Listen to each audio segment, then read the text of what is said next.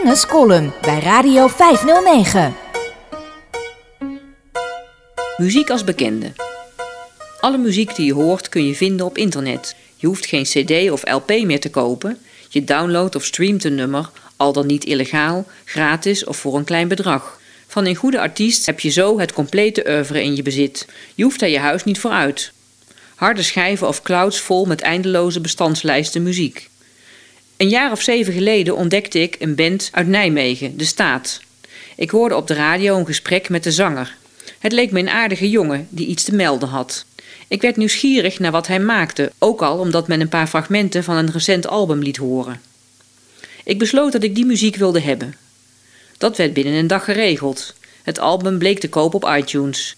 Ik vond de muziek erg mooi, hard maar melodieus, 21ste eeuws, maar ook in contact met de poptraditie. Muzikaal. Ik luisterde veel naar dat nieuwe album, want ik had haast om vertrouwd te raken met deze nieuwe muziek. Ik wilde die me eigen maken. Collega's en vrienden bleken de staat al langer te kennen. Zij kwamen met titels van oudere albums die ook de moeite waard zouden zijn. Een vriendin zette er een in Dropbox. Ik durfde het niet tegen haar te zeggen, maar ik wilde dat eigenlijk niet. Ik had genoeg aan dat ene album. Het is jammer dat je tegenwoordig meestal de fysieke verschijning van een CD of LP mist. Een geluidsbestand is natuurlijk niks. Er zit geen hoesje om en er is geen tekstboekje. Aan de afwezigheid van een fysiek product in je handen om aan te voelen en je neus in te steken, wen je wel. Vroeger had ik ook vaak cassettes vol met van anderen opgenomen platen. Dat gaf ook al niet veel binding meer met het oorspronkelijke product. Je had alleen een zelfgetypt lijstje met titels. Maar waar ik niet aan wil wennen is de veelheid, de overdaad aan muziek. Je hoeft niet meer je oren te spitsen om op de radio na jaren eindelijk weer eens dat ene mooie nummer te horen.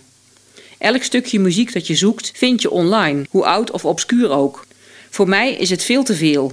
Ik hoef de volledige discotheek van een band niet, inclusief 38 verschillende versies van eenzelfde nummer en live registraties. En ik heb een hekel aan verzamelalbums en greatest hits. Die zijn zieloos en saai. Een album moet je kunnen ontdekken. Er moet onbekendheid tussen zitten. Iets heel anders. Een minder nummer dat na een paar keer luisteren toch meevalt. Dat ene allermooiste nummer waar je bijna niet op kunt wachten. Dat maakt een gewone LP, een album, tot een levend geheel. Een bekende. Vroeger hoorde ik een nummer op de radio dat ik mooi vond. Goed opletten, want van wie was dat nummer? Radio Harder laat iedereen even zijn mond houden, zodat ik de naam kan opschrijven. Ik hoorde het nummer vaker, het werd steeds mooier.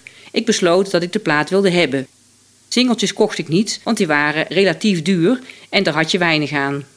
Maar een LP was ook een gok. Zou het hele album even leuk zijn als dat ene singeltje beloofde? Naar de platenwinkel. Ik vroeg naar de begeerde LP. Voor de vorm beluisterde ik eerst een paar nummers, koptelefoon op, leunend tegen de toonbank. Om me heen verdrongen andere klanten zich.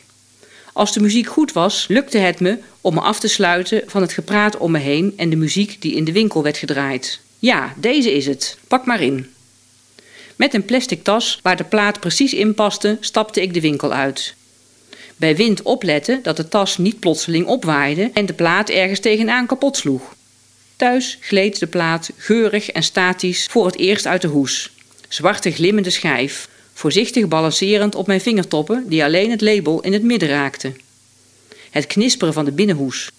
Voordat ik de naald erin zette, eerst even met de veger over de plaat. Als de plaat draaide, zat ik met de hoes op schoot op de bank. Uren bekeek ik de foto's, de teksten, met mijn neus dicht op het nog nieuw ruikende karton van de hoes. Met een klaphoes of een bedrukte binnenhoes was ik extra lang bezig. Ondertussen draaide ik de plaat steeds en steeds weer. Langzamerhand werden de nummers vertrouwder. Ik nam de plaat op een cassettebandje op, handig voor onderweg op mijn Walkman. Vriendinnen wilden hem ook hebben. Nog meer kopietjes. De plaat kreeg een plaatsje in het bescheiden platenrijtje. De plaat was nu deel van het huis geworden, van de vertrouwde dingen om me heen. Een goede bekende die geen verrassingen meer bood en juist daarom geliefd. Het laatste nummer van kant 1 kon ik maar beter overslaan, want dat was eigenlijk niks. En aan het begin van kant 2 zat een lelijke kras, niets aan te doen.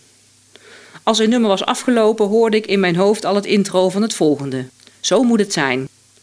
Daarom heb ik genoeg aan vijf of zes nieuwe albums per jaar. Meer bekende kunnen er niet bij.